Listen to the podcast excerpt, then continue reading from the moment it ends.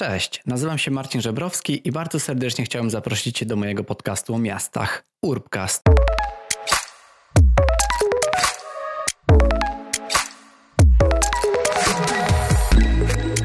Cześć i witajcie w najnowszym odcinku Urbcastu. I dzisiaj chciałem porozmawiać o gentryfikacji, ale zanim o tym porozmawiamy, to chciałem Wam powiedzieć, że zrobiłem taki mały eksperyment i zadałem Wam kilka pytań na Instagramie, na stories e, dotyczących właśnie tego tematu. Okazało się, że był to bardzo dobry pomysł, bo podrzuciliście mi naprawdę kilka świetnych pytań, które zadałem swojemu rozmówcy.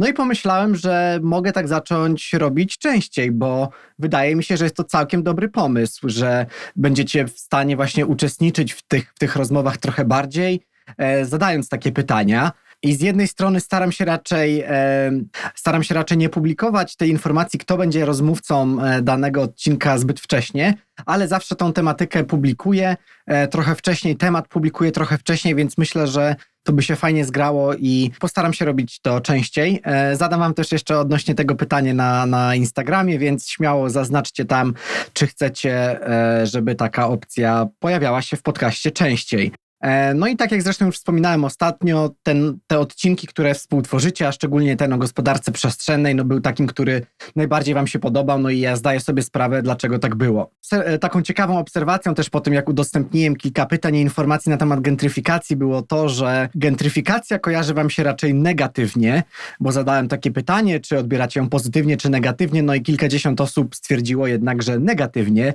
Dlatego w naszej rozmowie troszeczkę tą gentryfikację mm, odczarowujemy. Staramy się o niej też powiedzieć, postawić w może takim bardziej obiektywnym świetle i pokazać, że może mieć swoje plusy i minusy. Tę rozmowę przeprowadziłem z doktorem Łukaszem Drozdą, który jest nie tylko doktorem nauk o polityce publicznej, czy urbanistą i, polit i politologiem, ale także, e, tak jak ja mam to w zwyczaju, jest autorem publikacji książek. I dzisiaj skupimy się na jednej z książek, e, czyli na Uszlachetniając przestrzeń, jak działa gentryfikacja i jak się ją mierzy. I bardzo mnie to cieszy, że jesteśmy w stanie o nim porozmawiać, bo pamiętam, jak sam właśnie chyba niedługo po tym, jak ta książka się pojawiła, czytałem ją i w ogóle bardzo mi się podobała okładka, mm, taki kubek z kawą, Pałac Kultury e, i cieszę się, że po tych kilku latach jestem w stanie porozmawiać z autorem tej, tej książki, tej publikacji i jeszcze bardziej pogłębić e, swoją wiedzę o gentryfikacji, a także podzielić się nią z Wami. Także zapraszam Was na naszą rozmowę.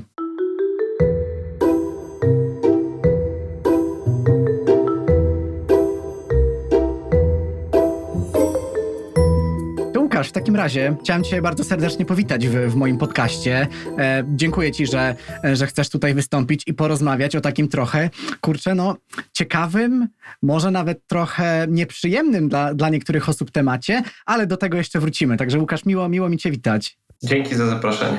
Bardzo mi miło porozmawiać o tak sympatycznym temacie jak gentryfikacja, który wiąże się z segregacją społeczną i, i innymi niekorzystnymi zjawiskami. Zawsze, zawsze miło na taki temat pogaworzyć. E, zanim, zanim przejdziemy do tych, do tych e, skomplikowanych e, czasami e, niemalże właśnie kontrowersyjnych tematów, to chciałbym Cię poprosić o, o takie krótkie przedstawienie i o to, żebyś powiedział, um, czym się obecnie zajmujesz.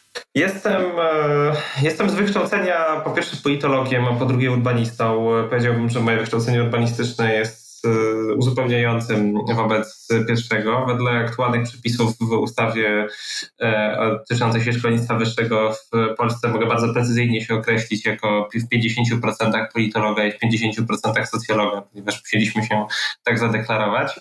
E, znaczy, mogliśmy wybrać dowolnie te proporcje, ale mm, musieliśmy w procentach określić własną przynależność dyscyplinarną i to trochę oddaje charakter tego, czym się zajmuję, bo zajmuję się studiami miejskimi, które są, mam wątpliwości, czy Urban Studies powinno się tłumaczyć zresztą na studia miejskie, bo jest to szersze zagadnienie, e, ale jest to tematyka interdyscyplinarna i tak jak myślę, twoi goście często, jeżeli są akademikami, a nie zawsze nimi chyba są, e, przynależą do, do, do różnych tych działek, które sumarycznie się składają na, na tę dyscyplinę. Więc ja bym powiedział, że czuję się naukowcem e, z dyscypliny nieistniejącej w Polsce oficjalnie pod nazwą Urban Studies i, i w tej materii pracuję naukowo. E, doktorat mam z nauk o polityce publicznej, które broniłem na uczelni ekonomicznej w SGH, a dodatkowo jest ciekawszych rzeczy, jestem też inżynierem planowania przestrzennego po SGGW.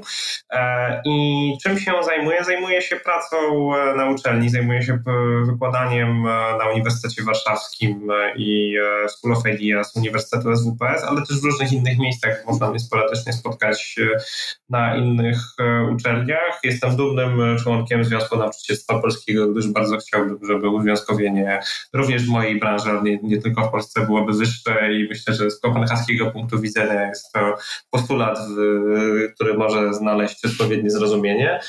E, mm, w, więc zajmuję się teorią, zajmuję się teorią miasta. Tak? Nie jestem aktywistą miejskim, nie zawsze się zgadzam we wszystkim z aktywistami miejskimi. Mam za sobą historię przynależności do lewicowych organizacji.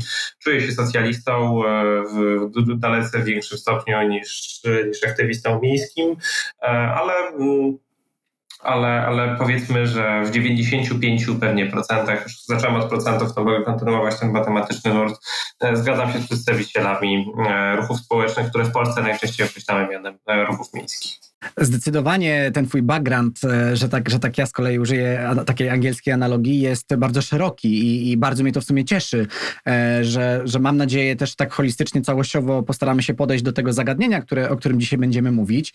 Mm, ale dopełnię jeszcze takiej formalności i zapytam się ciebie właśnie o to, skąd w ogóle się wzięło twoje takie zainteresowanie miastami? Czemu poszedłeś akurat e, tą ścieżką? Ja myślę, że ono się działo trochę etapowo e, i pamiętam, że w momencie, kiedy zacząłem się w ogóle zajmować tą tematyką, kiedy poszedłem na studia e, związane z urbanistyką tak stricte, to moi znajomi się mnie pytali, mm, Dlaczego w ogóle, skąd, po co, dlaczego taki temat, e, co to ma wspólnego? E, pierwszą książkę też, jaką w życiu napisałem, dotyczyła się dyskursów o lewicowym ekstremizmie, e, niezależnie od tego, czy on jest wyobrażony, czy faktycznie postrzegany. Czy, on jest wyobrażony, czy, czy on jest tylko postrzegany w sposób jakiś bardziej subiektywny, potencjalny, obiektywny potencjalnie. Poplątałem się strasznie w tej chwili, mówiąc o tym, no ale w każdym razie chodziło chodziło o to, że mm, trochę mnie ta tematyka kręciła. Trochę byłem jednym z tych pewnie licznych, niespełnionych architektów. Myślę, że częstokroć wiele osób ma jakieś takie mm, niespełnione płaszczyzny twórcze, zwłaszcza najczęściej twórcze, bo często tęsknimy za takimi zawodami, które się wiążą się z kreowaniem jakichś dzieł, a architekci przecież są przedstawicielami jakiejś tam działki związanej ze sztuką, nawet jeżeli jest to sztuka bardzo praktyczna. Um, czy, czy miałeś nie po drodze z rysunkiem? Czy, czy jakoś tak po prostu wyszło, może techniczne przedmioty nie, bardziej? Nie, nie rozważałem. Na etapie, kiedy skończyłem liceum ogólnokształcące, nie, nie myślałem o tym, żeby pójść na studia architektoniczne. Trochę ten, ten temat pojawił się później. E, więc trochę nie wynika z takich ograniczeń, ale z drugiej strony to też jest taka pasja wieloletnia. Ja jako dziecko byłem oczarowany infrastrukturą, głównie infrastrukturą transportową.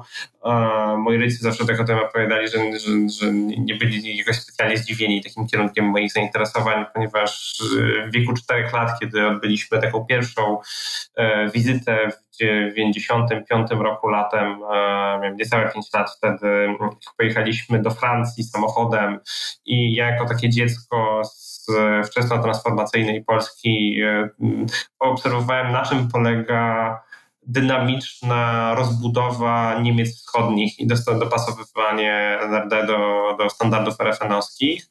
To było dla mnie jakimś takim szokiem. Ja wtedy strasznie dużo rysowałem. Tak? I powstały jakieś takie niezliczone e, rysunki infrastruktury transportowej. Od tamtej pory się e, moją pasją dziecięcą było rysowanie miast e, w całości, bo najpierw to były drogi, a potem to było to, co do dróg przylegało i, i, i miasta mnie interesowały bardzo pod tym kątem.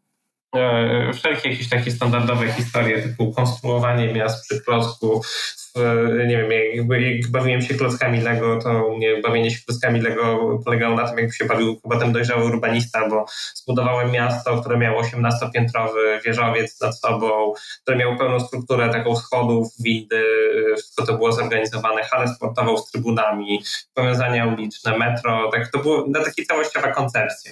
Więc może nie do końca by przystawała do wszystkich wzorców zrównoważonej urbanistyki, ale była całkiem przemyślana, więc w ogóle takie tematy mnie, mnie kręciła, co było było takim bezpośrednim impulsem. Trochę myślę, że konflikty polityczne, klasowe, dziejące się wokół, wokół przestrzeni. Zawsze mnie interesowała tematyka trochę tego, jak ideologia przenika przez różne przestrzenie, a więc też przez przestrzeń zurbanizowaną.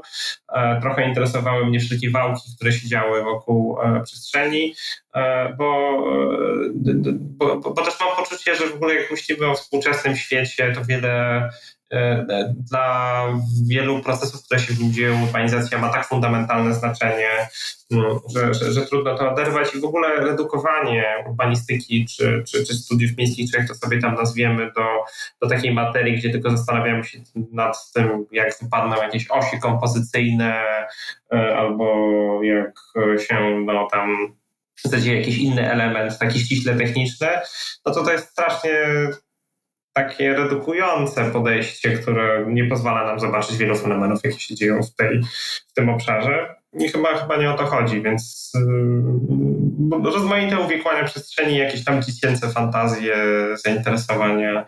A czy był jakiś taki jeden moment, kiedy był taki klik, że, yy, że, że postanowiłem, że tak, muszę się tym zająć?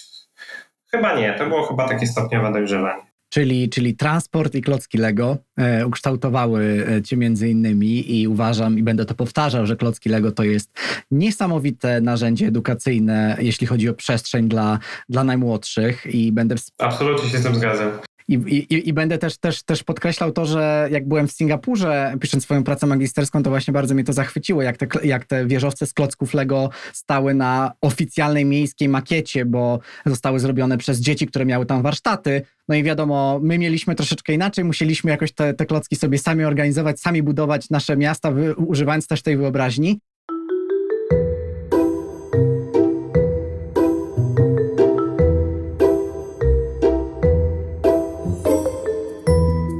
2017 ukazuje się Twoja książka Uszlachetniając przestrzeń. Mm, krótko po premierze trafia w moje ręce i tam zaznajomiony już trochę wcześniej właśnie z pojęciem rewitalizacji, um, usłyszawszy gdzieś tam wcześniej o tej gentryfikacji, zaczynam się wczytywać w tę książkę i no właśnie, tam się pojawia ta, ta definicja gentryfikacji i zaczynam uświadamiać sobie, jak skomplikowana jest to rzecz. Także, żeby pomóc też naszym słuchaczom, słuchaczkom, jakbyśmy zaczęli od w ogóle definicji gentryfikacji, czy czym ona w ogóle jest, czy można ją określić jedną definicją w ogóle? Tak, chociaż tak jak w przypadku większości takich naukowych definicji, oczywiście trzeba dodać ileś tam argumentów pod tytułem warunków, e, pod tytułem zależy e, w danej sytuacji i tak dalej, i tak dalej. Generalnie jakbym chciał zdefiniować gentryfikację, to powiedziałbym, że to jest proces stadialnej transformacji przestrzeni zurbanizowanej, która prowadzi, która prowadzi nas przez taki proces polegający na tym, że osoby gorzej uposażone stopniowo znikają z jakiejś przestrzeni, e, a są potem wypierane z niej przez osoby bardziej zamożne, a na dalszych etapach te osoby bardziej zamożne mogą być wypierane przez jeszcze bardziej zamożne. Czyli zaczynamy od takiego procesu, w którym pewnym miejscu pojawiają się osoby dotychczas podobne do tych, które dotychczas tam mieszkały, ale cechujące się tym, że są bardziej, że tak powiem, atrakcyjne, kontrkulturowe, mm, e, może nie do końca jeszcze są hipsterami, ale są, no, dysponują tymi większymi zasobami kapitału kulturowego, w związku z tym wprowadzamy kolejne pojęcie e, socjologiczne, które, które nam tłumaczy, jaki proces zaczyna się dziać.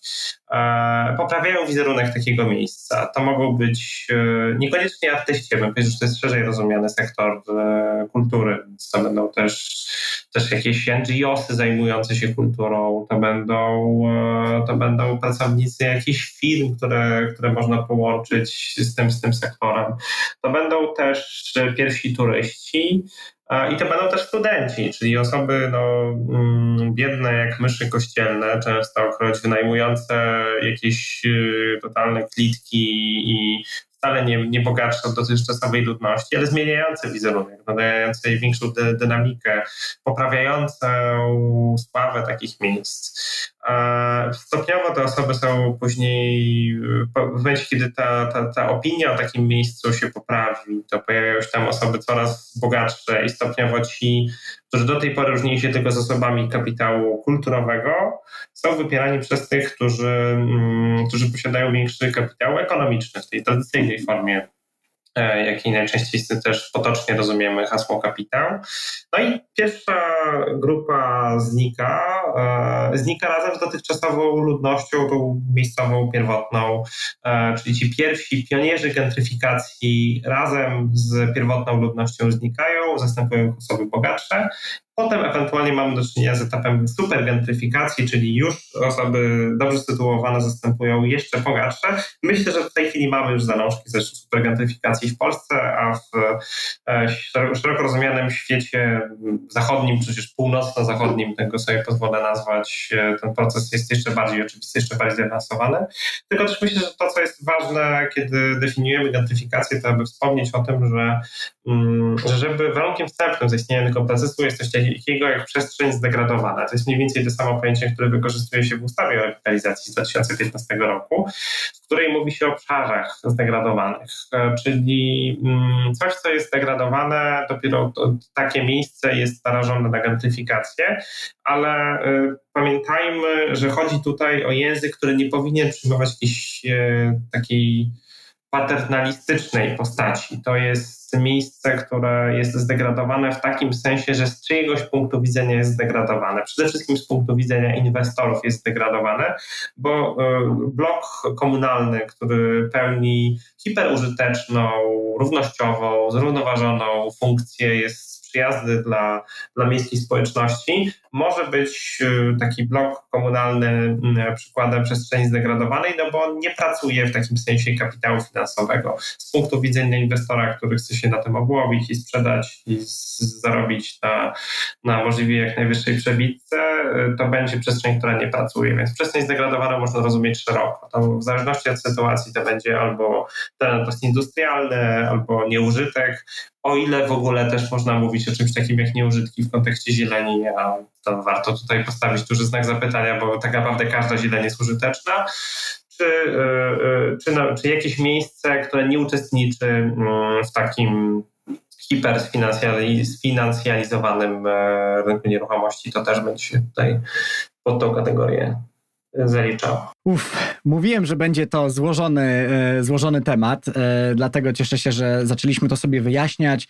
I żeby to tak w skrócie trochę przedstawić, czy możemy sobie to sprowadzić do tego, że jeżeli w danym miejscu, w danym mieszkaniu, w danym domu, w danej okolicy wymienia się w pewnym sposób, wymienia się w pewnym, w pewnym sensie ta tkanka społeczna, czyli jeden mieszkaniec się wyprowadza, a drugi o podobnym statusie materialnym wprowadza się na jego miejsce, no to to jest od taka codzienna sytuacja, po prostu mm, ludzie migrują. A w momencie, gdy ta osoba pierwsza jest zastępowana przez tą drugą, która ma dużo większe właśnie zasoby finansowe i ta pierwsza po prostu no nie jest już w stanie tam mieszkać ze względu na, te, na tą sytuację finansową i jest zmuszona do tego, żeby się wyprowadzić, e, z różnych czynników, tak, bo być może właśnie ta, ta jej okolica stała się bardzo atrakcyjna, to to już bardziej moglibyśmy określić jako gentryfikacja. Tak, stanowczo, stanowczo. Chociaż warto pamiętać, że mm, to są typy idealne, czyli klasyczne weberowskie pojęcie, którego używamy w naukach społecznych.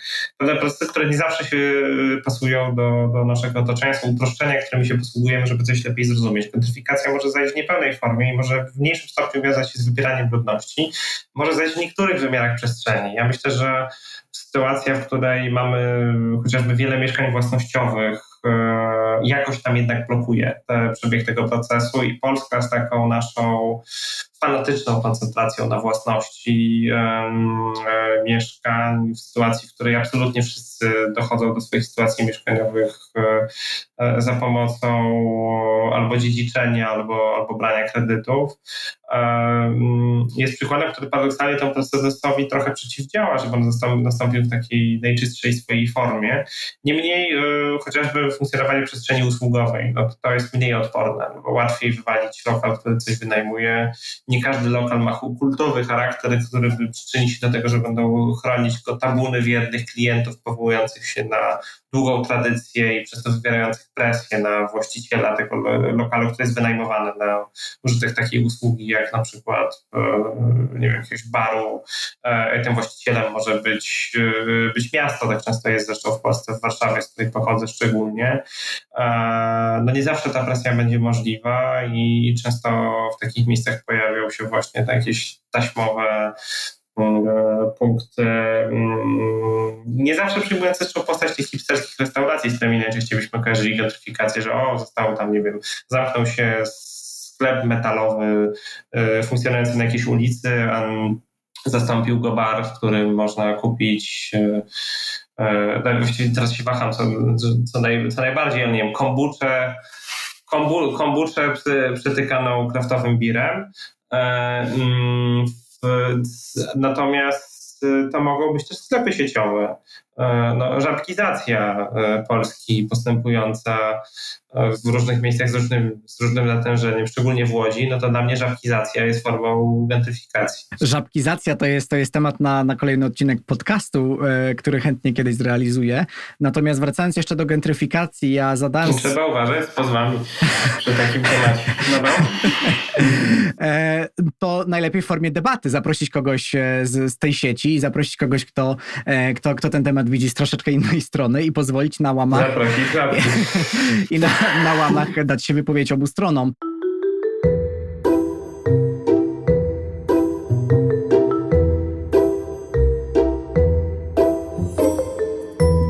Natomiast wracając do gentryfikacji, ja zadałem swoim obserwującym na Instagramie e, takie pytanie, z czym się kojarzy gentryfikacja, czy kojarzy im się pozytywnie, czy negatywnie. No i przed naszą rozmową sprawdziłem, że wypowiedziało się kilkadziesiąt osób i, i, i gdzieś tam jednak niecałe 80-90% e, zaznaczyło, że kojarzy im się negatywnie, więc pomówmy o tych negatywnych stronach gentryfikacji.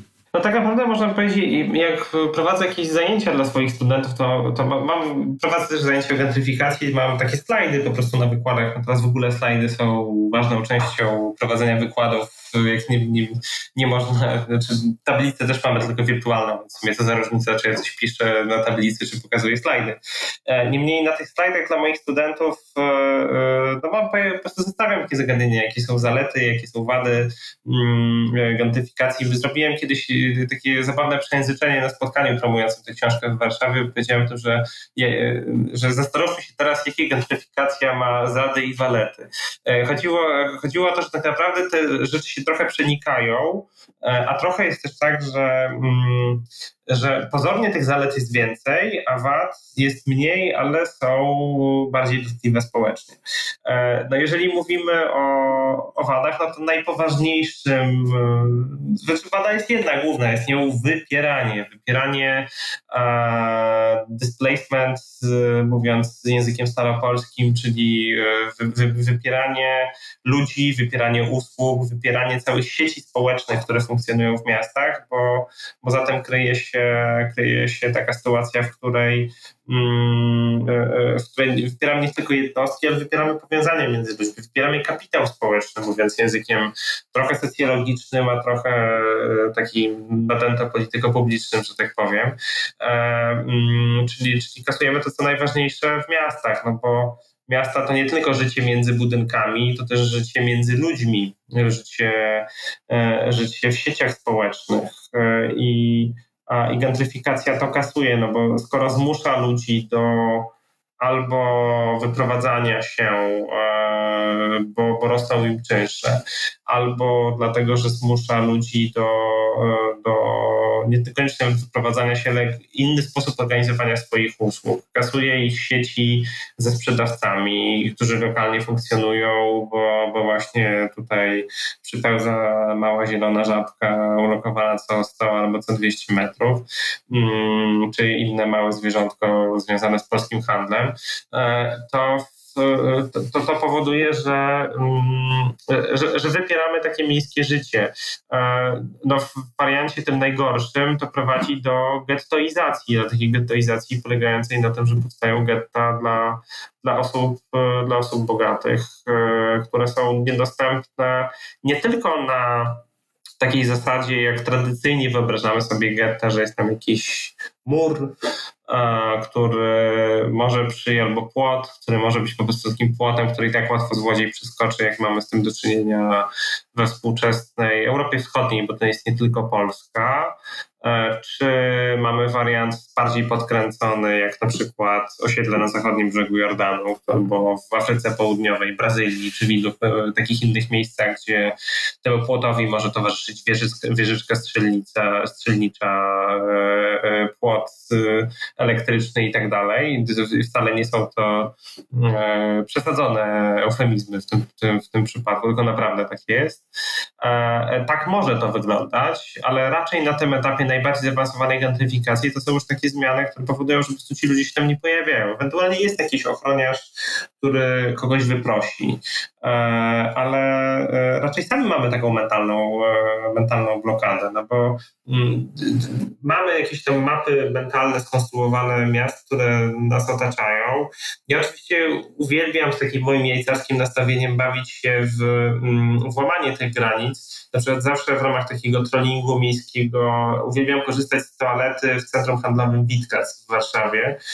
Robię to regularnie, jeżeli akurat chwilowo nie ma globalnej pandemii. Takie czasy wbrew pozorom bywają. I można się bawić taką konwencją, ale oczywiście ja mogę się bawić w nią, jak sobie założę moje hipsterskie okulary jako pan wykładowca z Uniwersytetu Warszawskiego, jakoś nie jestem rozpoznawalny dla użytkowników przestrzeni, ale jeżeli powstałych użytkowników przestrzeni, którzy niekoniecznie e, wywiodą z, z, tego, jak wyglądam, że nie lubię gentryfikacji, osoby, które inaczej pachną, e, inaczej wyglądają, e, dla nich takie miejsca mogą być po prostu niedostępne, bo, bo zostaną albo, albo zostaną stamtąd siłą usunięte przez ochroniarza, albo same będą miały taką mentalną blokadę przed tym, żeby w ogóle w takie miejsce wejść. I taka najbardziej zaawansowana gentyfikacja polega na tym, że nie potrzebujemy kamer, nie potrzebujemy elektrycznych pastuchów, e, my sami sobie to, to, to zrobimy. Rzeczywiście, tak jak teraz rozmawiamy, no to e, e, gentryfikacja ma ten czarny PR i, i wydaje mi się właśnie, że to przez to, że dotyka tak, tak, e, tak wrażliwych społecznie i grup, i, i jakby, jakby pewnych, pewnych zagadnień.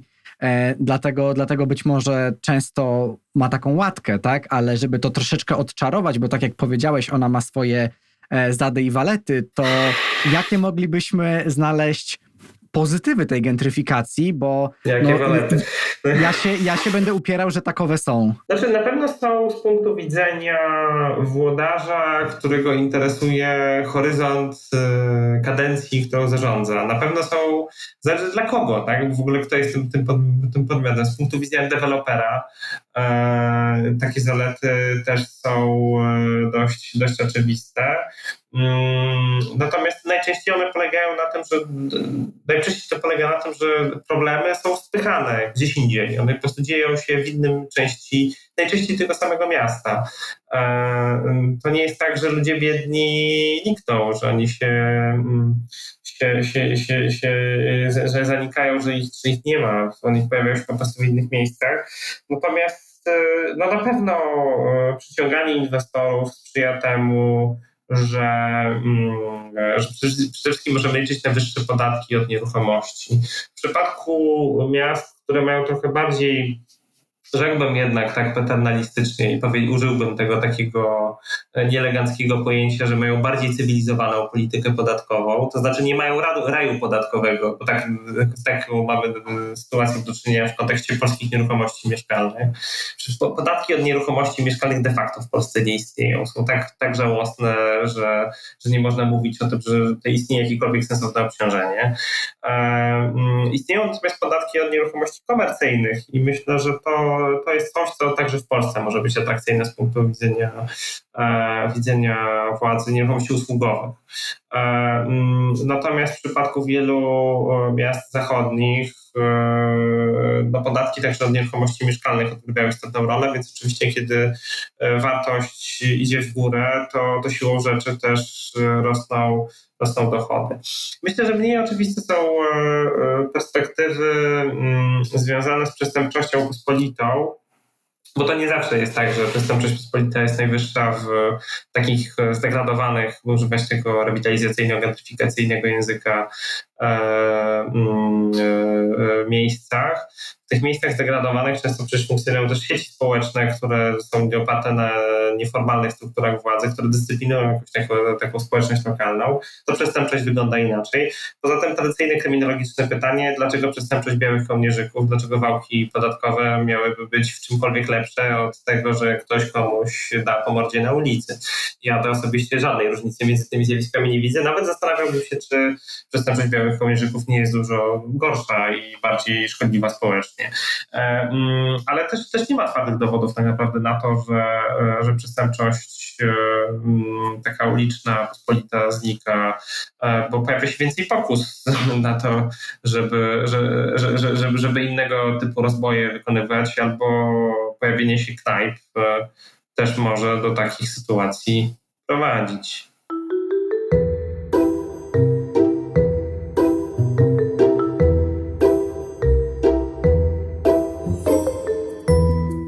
Jeszcze mm, o takiej mm, właśnie też twardej, tak jak wspomniałeś, e, o, o, takiej, takiej, takiej, takim twardym e, sposobie na zmierzenie tej gentryfikacji, bo bo też wracając do Twojej książki, e, tam przytaczasz takie sposoby na mierzenie tego uszlachetniania przestrzeni.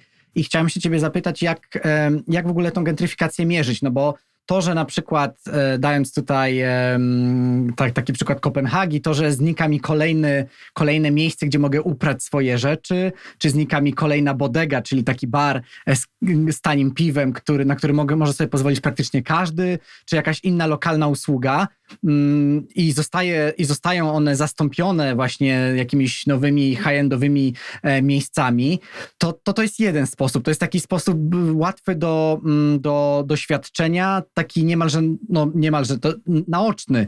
Natomiast jakie są w ogóle inne twarde sposoby e, na to, żeby tą gentryfikację mierzyć? Podstawowy problem z pomiarami gentryfikacji polega na tym, że częstokroć nie mamy danych, e, aby, aby te kwestie mierzyć. Przełomem, myślę, takim, który czekam zwrotem, można tak powiedzieć, humanistyczno-naukowo, który moim zdaniem czeka studia miejskie, to będzie zbieranie danych z logowań na telefonach, które pozwalają nam badać w czasie rzeczywistym rozmaite trendy. W tej chwili już to możemy robić na bazie części otwartych danych, także w kontekście pandemii, która nam, nam na to pozwala i możemy badać jakieś zjawiska dziejące się w trybie natychmiastowym, ale z gentryfikacją, czyli taką takim mierzeniem tego, kto gdzie mieszka, jakie ma w związku z tym cechy swoje, jest trochę więcej problemów.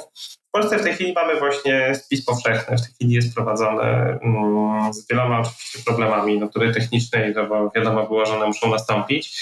E, niemniej, e, mm, niemniej zbieramy takie dane, które teoretycznie byłyby idealne do badania postępów gentryfikacji i one świetnie się nadają do prowadzenia tych pomiarów w Stanach Zjednoczonych, no bo natura danych spisowych jest taka, że po pierwsze obejmują wszystkich, po drugie są, przynajmniej powinny być e, dokładne i, no i jednak pokazują nam jakąś perspektywę porównawczą, bo co około 10 lat możemy zobaczyć taką całkiem kompleksową przemianę jakiegoś sąsiedztwa, jeżeli tam się coś dynamicznie dzieje.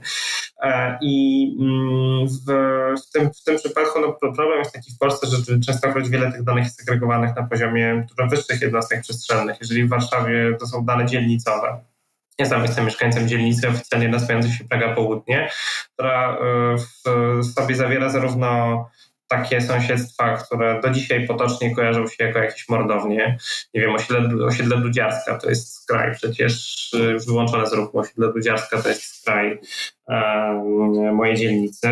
E, w każdym razie z jednej strony to jest osiedle Dudziarska, a z drugiej strony to jest na przykład Saska Kępa, czyli jedna z najdroższych części w, w Warszawie, no tak po prostu Warszawa posz w pełni.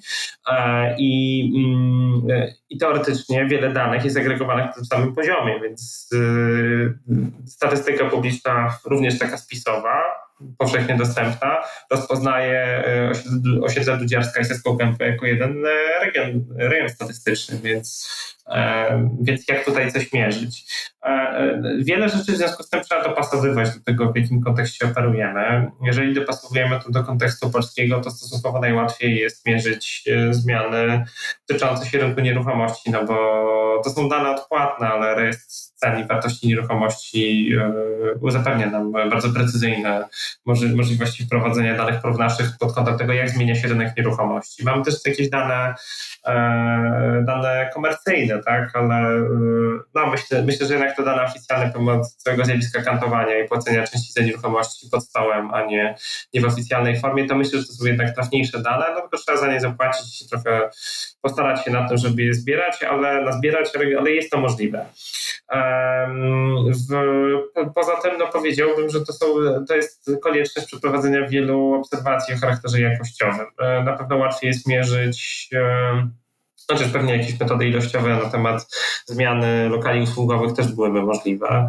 E, no ale z, ale z, ale z, tymi, z tymi pozostałymi, nie wiem, obserwacje przestrzenne są trudne. Są podejścia wprawdzie, jeszcze, jeszcze przed pandemią, no w tej chwili co robią urbaniści, jeżeli chcą czegokolwiek uczyć w czasie pandemii, no to latają po Google Street View, ja sam to robię ze swoimi studentami, no bo to jest genialne narzędzie dla nas, ale były już e, przez badaczy z Chicago takie prowadzone próby tego, żeby właśnie jakoś tam mierzyć też te przestrzenne przemiany związane z gentrifikacją. Oni chyba wychodzili, jeżeli dobrze pamiętam, od, od kwestii analizowania nieporządków przestrzeni, czyli znikające śmieci, które było widać w Google Street View, które zapewnia przecież też tę możliwość porozdawania danych z iluś lat. Dla nich mieli jakiś specjalny algorytm, e, który, który im to jakoś tam automatycznie przeliczał, e, i, e, i byli w stanie, w stanie takie też kwestie prowadzić. Więc ja myślę, że to jest kwestia dostępności danych. Im dokładniejsze mamy dane urzędowe, im są dokładniejsze dane spisowe, tym trafniejszy mamy obraz gentryfikacji. Amerykańskie spisy powszechne, które umożliwiają nam analizy w ramach jakichś takich bloków podatkowych, czyli kręgu właściwie paru ulic w gęstej śródmiejskiej zabudowie, mm, pozwalają nam to myśleć bardzo dokładnie. E, e, skromni badacze z Europy Środkowo-Wschodniej muszą kombinować, no ale ponieważ jest to nasza tradycja narodowa, to również badacze powinni umieć to robić. Zarówno gentryfikacja, jak i jej pojmowanie ewoluuje i poszerza się też nasze, mam nadzieję, rozumienie gentryfikacji i jakby są osoby, które popularyzują tą tematykę, oczywiście wliczając w to, w to ciebie i, i, też, i też twoje publikacje.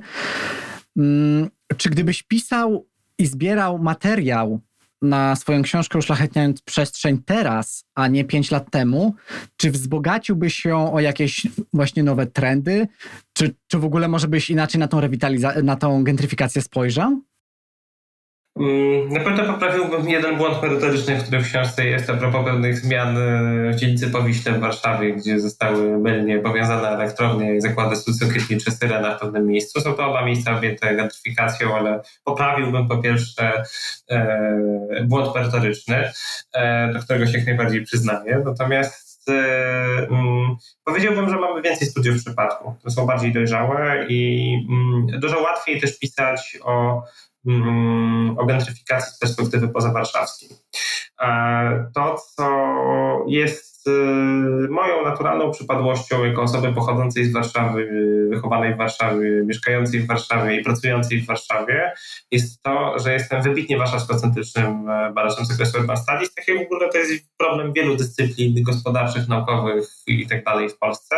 Ja też jestem tym nieuchronnie dotknięty, no bo siłą rzeczy w ogóle w tej Warszawie siedzę, a tak w ogóle jest ze wszystkimi urban studies Mm, e, że częstokroć częściej piszemy o tych wielkich ośrodkach, bo tam jest większa kasa, bo tam jest jakieś większe nasycenie znaczeń, które wydają się nam bardziej oczywiste, większe zapętlenie tego wszystkiego, więcej studiów przypadków, po które można sięgnąć. Ale powiedziałbym, że od tego czasu, ile ta super, gentryfikacja właśnie, to, to zastępowanie bogatych przez jeszcze bogatszych w Warszawie zrobiło się bardziej kontrastowe, to o tyle e, więcej jest też takich historii w tej chwili mm, z, z innych miejsc w Polsce. One są bardziej kontrastowe. No, no, no, w którym mieście znajdziemy, znajdziemy dokładnie takie, takie same przemiany. I nie chodzi mi tutaj tylko o Sopot. Chodzi mi o, o, całe miasto. Co się dzieje na terenach stoczni, gdzie mamy taką klasyczną, postindustrialną e, gentryfikację, gdzie, gdzie już równolegle powstaje deweloperka, gdzie mamy ulicę elektryków z jednej strony z tymi e, e młodzieżowymi klubami, gdzie, gdzie mamy e, w tej chwili ulica elektryków, jak domyślam się, w warunkach pandemicznych działa raczej średnio, ale ja tam będąc dwa lata temu już widziałem e, piwa, e, nie, wcale nie piwa kraftowe, ale sprzedawane pod takimi markami jak tam Spawa czy Mechanik i tak dalej, które jakoś czerpią z tej tradycji tego miejsca, odwołując się do, do, do Wałęsy i nie, nie, nie tylko. A z drugiej strony mamy muzea, wprawdzie nie muzea sztuki, jak najczęściej się, się, się pisze, ale takie nowoczesne muzea narracyjne, mocno dofinansowane przez sektor publiczny e, typu ECS i, e, i Muzeum e, II wojny światowej. I jeszcze mamy, mamy w tym wszystkim coraz intensywniej się rozwijającą deweloperkę. Więcej jest takich właśnie obszarów postindustrialnych. Też myślę, że w ogóle, które się zapełniają zabudową. Myślę, że w ogóle, bo to, to też jest warte podkreślenia, że w Polsce ta gentryfikacja przez też ten rozwinięty, rozwiniętą strukturę własności częstokroć właśnie gentryfikacja niekoniecznie wiąże się z wypieraniem ludności, ale często powstaje na terenach jakichś poprzemysłowych y, i tam, tam też ta new build gentrification to jest nowa wbudowana gentrifikacja, nie ma takiego odpowiednika. E, mm, jest taką cechą charakterystyczną dla naszej przestrzeni zurbanizowanej i powiedziałbym, że też przez to, że y, wiele tej rabunkowo zagospodarowanej w Polsce przestrzeni zostało zajęte już, to trochę też deweloperzy muszą bardziej kombinować. Trochę muszą bardziej stawiać na jakieś produkty premium, i, I gentryfikacja się do tego idealnie nadaje, bo i można temu nadać tą taką PR-ową, niby kontrkulturową otoczkę. Trochę jest tak, że trzeba na przykład operować na, na trudniej dostępnych działkach. Trochę w ogóle nieruchomości są droższe, w związku z tym trzeba bardziej kombinować. Mm, I to jest taka nisza, w którą e, gentryfikacja się dobrze wciska.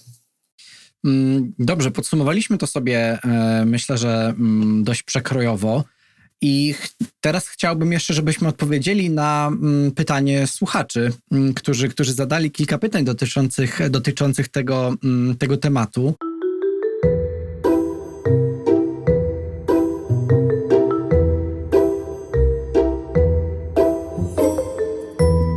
Spróbujmy sobie odpowiedzieć tak, tak, tak w miarę krótko, bo, bo, bo one jakby też e, bazują na wątkach, które już poruszyliśmy, ale zaczynając od takiego pierwszego, jak w ogóle zaprząc mądrze gentryfikację do rewitalizacji z takiej perspektywy Urzędu Miasta? Powiedziałbym, że nie da się może zaprząc z gentryfikacji, ponieważ gentryfikacja z mojego punktu widzenia jest procesem generalnie szkodliwym i jeżeli myślimy o rewitalizacji jako dbałości poprawy jakości życia w jakimś miejscu, ale nie jakości życia nowych ludzi, tylko jakości życia wszystkich ludzi, e, to, mm, to, to w takim razie gentryfikacji powinniśmy unikać. Niemniej podobnie jak rewitalizacja, ma mniej więcej te, te same wymiary. E, można spojrzeć sobie na artykuł drugi ustawy o rewitalizacji, która, która, która te wymiary wskazuje. Ja bym je zredukował w czterech chyba, jakie są tam wskazane do trzech, czyli jest wymiar przestrzenny, wymiar społeczny i wymiar ekonomiczny. Ten ostatni to jest taki najbardziej właśnie kwestie samego rynku nieruchomości, wymiar społeczny to jest kwestia e, i, i, i kompozycji klasowej samych mieszkańców, ale też e, kwestia usług, jakie są im oferowane. E, na wymiar przestrzenny to jest, to jest właśnie to, jak się wygląda estetycznie, ale też jaka jest jakość techniczna takich, takich okolic. No więc niewątpliwie mm, no nie można rewitalizacji ograniczyć tylko do programów jakichś animacyjnych, e, z których nic nie wynika. Mamy tam jakiś mydliście definiowany kapitał społeczny, e, który dla nas stanowi cel i wierzymy, że poprzez pomalowanie rozpadającego się muru w miejscu, które jest ogrzewane e, piecem na, e, na typu kopciu, w którym e, dobrze jest, jeżeli jest opalane węglem, nie ma kanalizacji i tak dalej, no to wiadomo, że realizowanie projektu artystycznego to nie jest to, co byśmy tam powinni mm, prowadzić, albo przynajmniej do czego powinniśmy się ograniczać.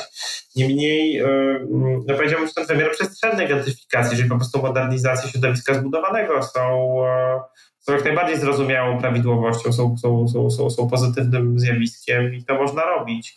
E, ale e, nie powiedziałbym, że można trochę zgentryfikować e, społecznie, czyli wprowadzić trochę hipsterów, ale tak nie za dużo.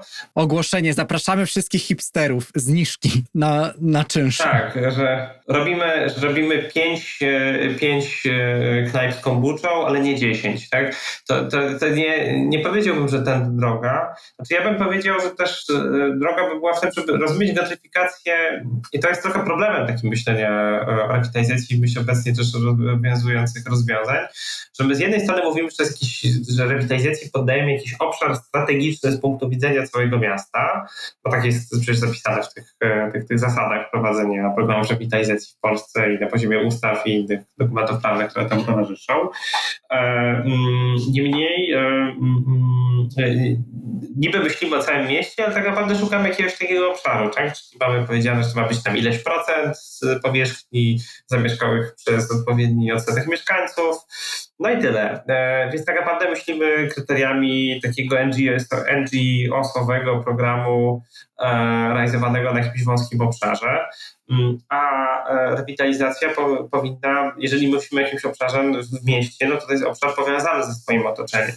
Więc dla mnie rewitalizacja powinna być prowadzona w takiej skali, która też prowadzi do, do tworzenia jakichś działań w innych częściach miast.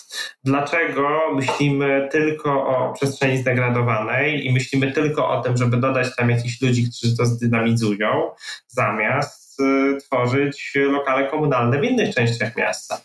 No bo co? Bo chcemy przestraszyć deweloperów tym, że postawimy w śródmieściu Warszawy e, bloki komunalne i co? I będzie taki neoliberalny język pod tytułem inwestorzy będą, albo nie inaczej, rynki będą zaniepokojone tak dokładnie te same, mm, ta sama mowa prawa, którą można sprzedawać w ramach takiej e, e, irracjonalnej, neoliberalnej ekonomii na poziomie myślenia o jakichś wielkich procesach gospodarczych, takie same błędy można moim zdaniem popełnić w ramach polityki miejskiej. Jak zatrzymać gentryfikację nie wyrzucając fajnych lokali restauracji, czyli nie ograniczając sobie dostępu do tych wszystkich usług, ale tak, żeby dało się mieszkać? No i pytanie, czy, czy właśnie, czy, czy jest to w ogóle możliwe w jakimkolwiek e, sensie? Gentryfikacji nie da się zablokować w ogóle, e, bo e, dałoby się ją zablokować, gdybyśmy zlikwidowali obrót nieruchomościami e, w formie wolnorynkowej. Mm, nie powiedziałbym, że to jest taka mrzonka, że tego się nie da zrobić. To się da zrobić, bo każdy system społeczny funkcjonuje w określonych ramach czasowych. Aktualna forma kapitalizmu z licznymi zmianami jest bardzo krótkim okresem w historii ludzkości. A i tak to, co obserwujemy i sobie kojarzymy, że XX wiek plus XXI to jest w miarę jakaś jednolitość e, e, czasowa, społeczna, ustrojowa, to też jest brzonka, bo ten proces też się bardzo, ten system bardzo się zmieniał w tym czasie, więc ja jestem sobie w stanie wyobrazić to, że kiedyś nie będzie rynku nieruchomości. Raczej nie za mojego życia, ale też nie byłbym taki pewien. E, natomiast mm, czy da się w takim razie tak ją blokować w krótszej perspektywie czasowej, tak to się nam wydaje bardziej, bardziej bliższa, bliższa, lepiej wyobrażona, lepiej wyobrażalna, no to powiedziałbym, że w takiej krótszej perspektywie, jeżeli operujemy takimi, w takiej sytuacji jak Warszawa, to najpotężniejszym instrumentem, e, jaki miasto może wykonać, jest profilowanie mm, konkursów na, na nieruchomości e, usługowe. E, mm, na lokale usługowe, których miasto ma w swojej dyspozycji bardzo dużo i naprawdę, jeżeli nie będzie wybierać tylko kryterium ceny, to może wiele, wiele rzeczy, na wiele rzeczy wpłynąć. E, powiedziałbym, że powiedziałbym, że, mm, e, że oczywiście potężnym instrumentem przeciwdziałania gentryfikacji byłyby inwestycje w mieszkalnictwo publiczne, e, ale podkreślam inwestycje rozumiane jako mieszkalnictwo publiczne, a nie jako regulację w rynek najmu mieszkań, bo to jest problem w tej chwili w świecie zachodnim najbardziej dostrzegalny, mniej w Polsce że owszem, wprowadzamy regulację czynszów, ale to są dalej mieszkania prywatne. A coś, co jest regulacją, po pierwsze można odwołać w przyszłości, a po drugie można obejść. To jest mniej trwałe rozwiązanie. E, publiczne można obejść tylko przez prywatyzację, E, ale to jest bardziej zaawansowany proces. Też go da przeprowadzić, on bywał przeprowadzany, e, ale, mm, ale jest to dużo e, cięższe zadanie, dużo trudniejsze logistycznie, więc inwestycje w mieszkalnictwo publiczne, które w Polsce oczywiście wymagałyby wprowadzenia bardzo niepopularnych rozwiązań, czyli przede wszystkim podatku katastralnego, szczególnie w przypadku, gdy zrezygnowaliśmy, zrezygnowaliśmy z dochodów dla miast z, mm, z użytkowania wieczystego, e, ale dopóki to będzie wyglądać w ten sposób, że roczny podatek od nieruchomości za kilkudziesięciometrowe mieszkanie w Warszawie o wartości pół miliona złotych albo milion, to będzie wartość tego podatku wynosiła 100, 200 albo jeszcze mniej złotych, no to, no to z czym do ludzi? A w tej chwili z takimi realiami operujemy i naprawdę moim zdaniem nie ma za co budować w Polsce mieszkań publicznych, jeżeli te pieniądze się pojawią, a to jest kwestia odważniejszego podejścia do, do polityki podatkowej, przede wszystkim moim skromnym zdaniem, to wtedy będziemy mieli potężny instrument y, nacisku na, na, na gentryfikację, bo się okaże, że to nie tylko Dom Development i Robik i Skanska i ktoś tam jeszcze będzie e, budował infrastrukturę mieszkaniową w Warszawie mm, i w związku z tym e, to nie jest oczywiste, że na miejscu fabryki na Kamionku powstanie Factory albo na miejscu stoczni powstanie osiedle deweloperskie, tylko może tam powstać też osiedle komunalne. Zresztą takim rozwiązaniom powinny sprzyjać te instrumenty związane z, z tym, e, z takimi instrumentami jak Krajowy Zasób Nieruchomości, które pierwotnie przecież miały do tego służyć, chociaż wyszło jak wyszło. E, z tym, z tym, że, z tym, że, że tak, że że nie ma nie tylko ilość tam obwodnic i miliona aut elektrycznych, ale też paru innych rzeczy również nie ma. A odpowiadając na ostatnie pytanie i, i ja się tutaj czuję wywołany do tablicy, więc może poproszę cię o krótki komentarz, jeśli masz. Jak ten problem gentryfikacji wygląda w Kopenhadze? No, ja nie, nie, jestem, nie czuję się specjalistą od, od, od miasta, miasta Kopenhaga, więc, więc myślę, że zostawię tutaj pole, pole, pole zorientowanemu tubylcowi. Dobrze, to, to ja w takim razie ten, e, ten wątek tutaj e, przyjmę na, na klatę i, i, i odpowiem na niego.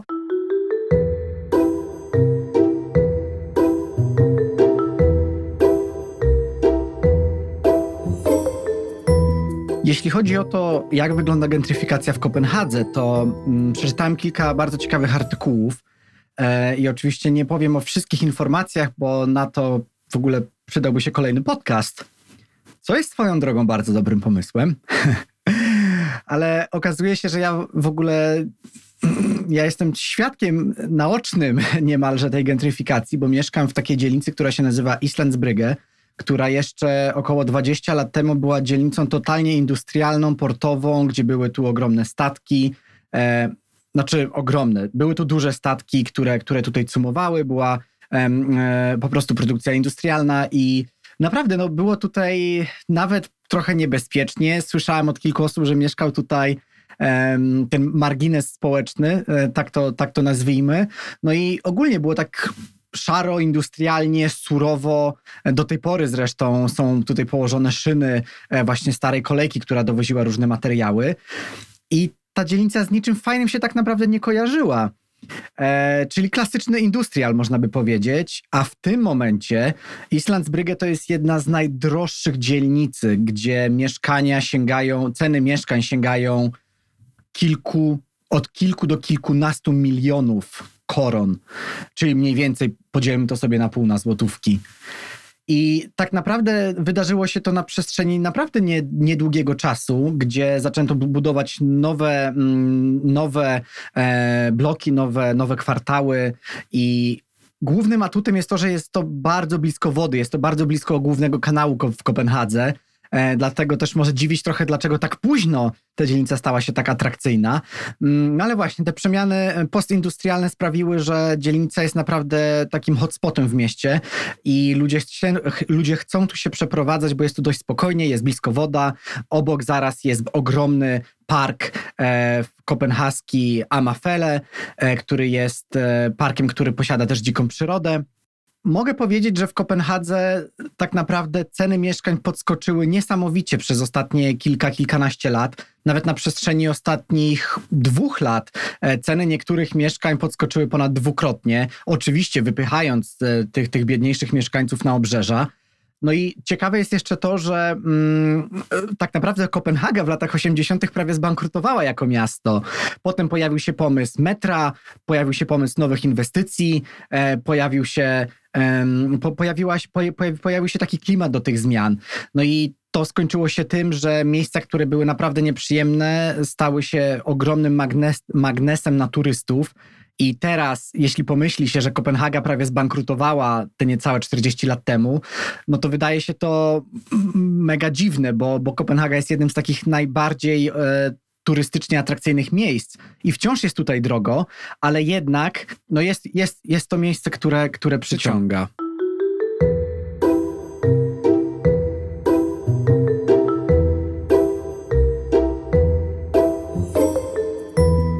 Chciałbym jeszcze mm, zapytać Ciebie o polecenie książki. E, nie musi być to książka związana z gentryfikacją, ale może. E, ponieważ e, polecenie jest precyzyjne i zostałem poproszony o polecenie jednej książki, to oczywiście polecę dwie książki, mm, które, które mi się nasunęły na myśl. Po pierwsze bym polecił, ze względu na dostępność tej książki w języku polskim, jednej z najfajniejszych w ogóle książek z zakresu urban studies, jakie ja znam wahałbym się, czy nawet nie najfajniejszej, czyli wydanych niedawno eksmitowanych e, Desmonda, którzy zostali wydani przez wydawnictwo Margines, jeżeli pamięć nie myli. E, książkę warto polecić również dlatego, że można się przestraszyć jej okładki, bo rekomendacja Billa Gatesa brzmi tak, jakby to był jakiś podręcznik dla mówców motywacyjnych albo, mm, albo coś w tym rodzaju. A jest to fantastyczne studium e, o genialnie napisanej narracji w oryginale, który ja czytałem, też, też, też genialne językowo e, studium tego, na czym może polegać ubóstwo mieszkaniowe w mieście, ale też czym jest kombinowanie przez osoby mm, często spychane na margines też naszej wyobraźni, nie, nie tylko margines społeczny, e, osoby, mm, które słyszą o sobie, że są roszczeniowe, najgorsze, nieaktywne i które należałoby tylko aktywizować tymi zewnętrznymi problemami, tak jak może być paternalistycznie rozumiana rewitalizacja.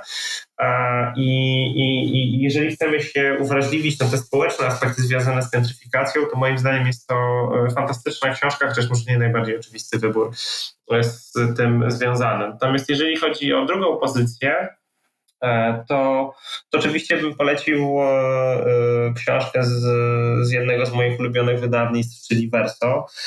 Książkę z, też w miarę, w miarę świeżą, czyli Capital City Gentrification the Real Estate autorstwa Samuela Steina, która jest E, książką napisaną przez, e, przez urbanistę, czyli osobę po e, podobnym, podobnych perspektywach, podobnym wykształceniu, tudzież wytresowaniu do mojego własnego, mm, mówiącą też o dużych uwikłaniach planowania przestrzennego, w procesy i polityczne, i gentryfikacyjne, więc jak najbardziej pasuje to do tematu naszego podcastu E, e, dość krótka, dość treściwa, e, bardzo moim zdaniem ciekawa i fajna, fajnie napisana publikacja, więc ja bym wskazał na takie dwie, może nie absolutnie najnowsze publikacje, nie ukazujące się w ostatnich miesiącach, ale jakoś mi się z tematem identyfikacji wiążą i myślę, że warto po nie sięgnąć. Dziękuję w imieniu swoimi słuchaczy. A gdzie można Ciebie znaleźć w internecie? Gdzie można znaleźć Twoje publikacje, książki? E, moje publikacje można znaleźć e, za pomocą, e, mm, za pomocą wyszukiwarek internetowych, ponieważ cztery, trzy z czterech książek, które do tej pory napisałem, funkcjonują na, już na otwartych licencjach i ja je osobiście wrzuciłem do, do moich, profili na Akademię Edu i na ResearchGate'a, więc wpisanie mojego imienia i nazwiska zapewne mm, wrzuci Was na którąś z tych stron. Mm, jedną z książek można też bezpośrednio pobrać e, ze strony, ze strony wydawcy. Więc one będą tam łatwo, łatwo na pewno odnajdywalne w internecie. Ja oczywiście uważam, że jestem osobą, która spędza za dużo czasu w internecie, jakieś tam zdrowe zasady ekranowe w warunkach, w warunkach mm, pandemii home office'u, który w moim przypadku na szczęście funkcjonuje w ten sposób, że mogę sobie pozwolić na home office. E, e, no te, te, te zdrowe zasady ekranowe trudno trochę wdrożyć mi w moim własnym życiu, więc e, jeżeli nie, nie natraficie Państwo na mnie na którąś z imp w internecie, to przy okazji którejś z imp w internecie, to możecie też zajrzeć na Twittera, mm, gdzie również występuję pod swoim imieniem i nazwiskiem jestem łatwo poszukiwalny. Aczkolwiek mam obawy, że Twitter nie jest najbardziej refleksyjnym kanałem komunikacji i szczególnie polski Twitter służy wymianom dynamicznym, aczkolwiek nie zawsze, nie zawsze twórczym i pobudzającym do stosownych refleksji. Więc... To może, to może, może nowy, e, niezwykle mm, ekskluzywny Twitter głosowy, czyli Clubhouse. Może, może, może, może, e, może jakieś inne, inne, inne kanały komunikacji, ale najfajniej się czuję jednak chyba w kontakcie ze studentami, więc, e, więc można mnie znaleźć wszystkim na Uniwersytecie Warszawskim i, i na Uniwersytecie SWPS, a mam nadzieję, że też ten etap nastąpi, to będzie miało postać nie tylko internetową, tylko wirtualną, bo, bo bardzo mi tego brakuje. E, i myślę, że nie jestem jedyną osobą, która by coś takiego wygłosiła. Tym bardziej, że naukowców zajmujących się miastem trudno wydbać z takiej przestrzeni. Dla nas to jest jednak naturalne, naturalne, że my się w tej przestrzeni udajemy i nawet jeżeli lubię swoje mieszkanie, które miałem szczęście urządzić przed pandemią, i czasem fajnie jest poprowadzić z, wykład z, z ogrodu albo, e, albo w jakichś innych takich fajnych warunkach, e, niekoniecznie przypominających salę akademicką, to jednak kontaktu z żywymi ludźmi, z żywą przestrzenią zurbanizowaną niezwykle mi brakuje. Zdecydowanie. Łukaszu, chciałem Ci bardzo podziękować za to, że zgodziłeś się porozmawiać o tym słodko-gorzkim temacie gentryfikacji, no ale z kim innym o tym rozmawiać, jak nie z ekspertem w tej tematyce. Także dziękuję Ci bardzo za naszą rozmowę. Wielkie dzięki.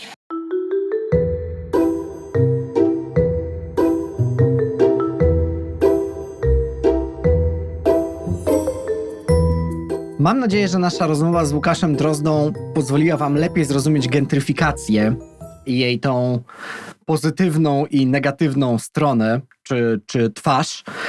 I jak skomplikowany jest to też proces, jak skomplikowane jest to też zagadnienie.